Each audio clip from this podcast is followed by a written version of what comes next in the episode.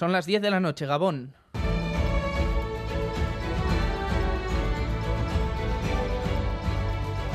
Radio Euskadi y Radio Vitoria. Servicios informativos.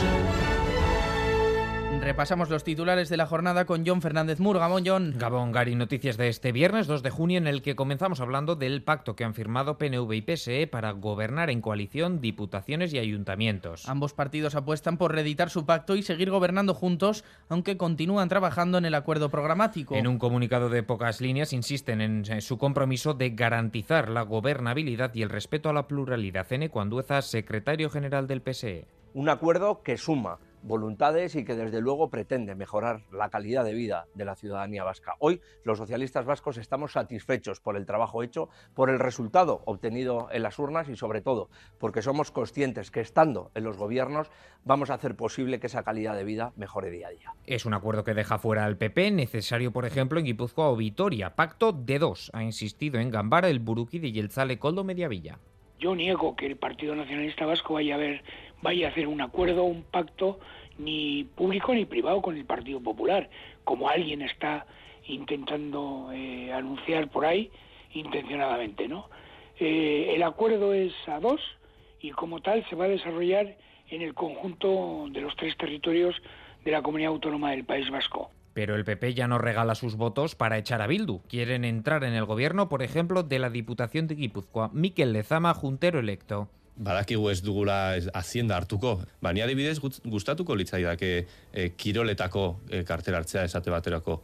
PP alderdia despertsiatzeko, sometitzeko edo maltratatzeko dagoela, ba, konfunditzen ari dira. Badakito geita lau direla, gu hiru gehala, baina egia da gure boskak behar dituztela, beraz, gure marra jarri dugu.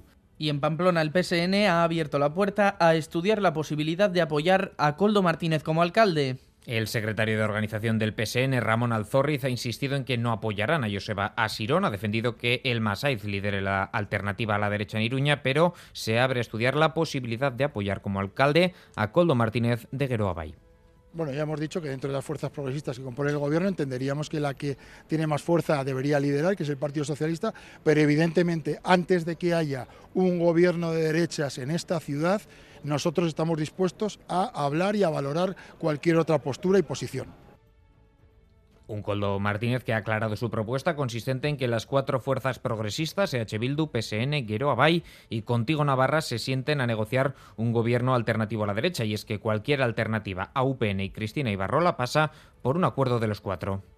El colectivo de Erchañas a sindicales carga con dureza contra el consejero Ercoreca y pide su dimisión. Después de que ayer cortaran durante una hora el tranvía de Vitoria sin que sus compañeros de servicio hicieran nada, el Departamento de Seguridad ha confirmado que se ha abierto un expediente para depurar responsabilidades, tanto entre los que se manifestaron como entre los que no actuaron para restablecer el orden.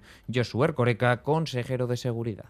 Hay motivos para pensar, sospechar fundadamente que ayer se produjeron conductas contrarias al ordenamiento jurídico, sea el disciplinario o sea el de seguridad ciudadana. Se abrieron diligencias informativas, que se va a recoger toda la información y se tramitarán en su caso los procedimientos para concretar los hechos y para en su caso depurar las responsabilidades que puedan resultar. Ercoreca asegura que siempre ha defendido a la Arzainza, pero que no va a permitir conductas que no casen con una policía democrática. La comunidad autónoma vasca supera ya la barrera del millón de afiliados a la seguridad social. Nunca antes había habido tanta gente trabajando en Euskadi, récord histórico que viene además acompañado de una bajada por cuarto mes consecutivo del desempleo. Idoya Mendía, consejera de Trabajo y Empleo.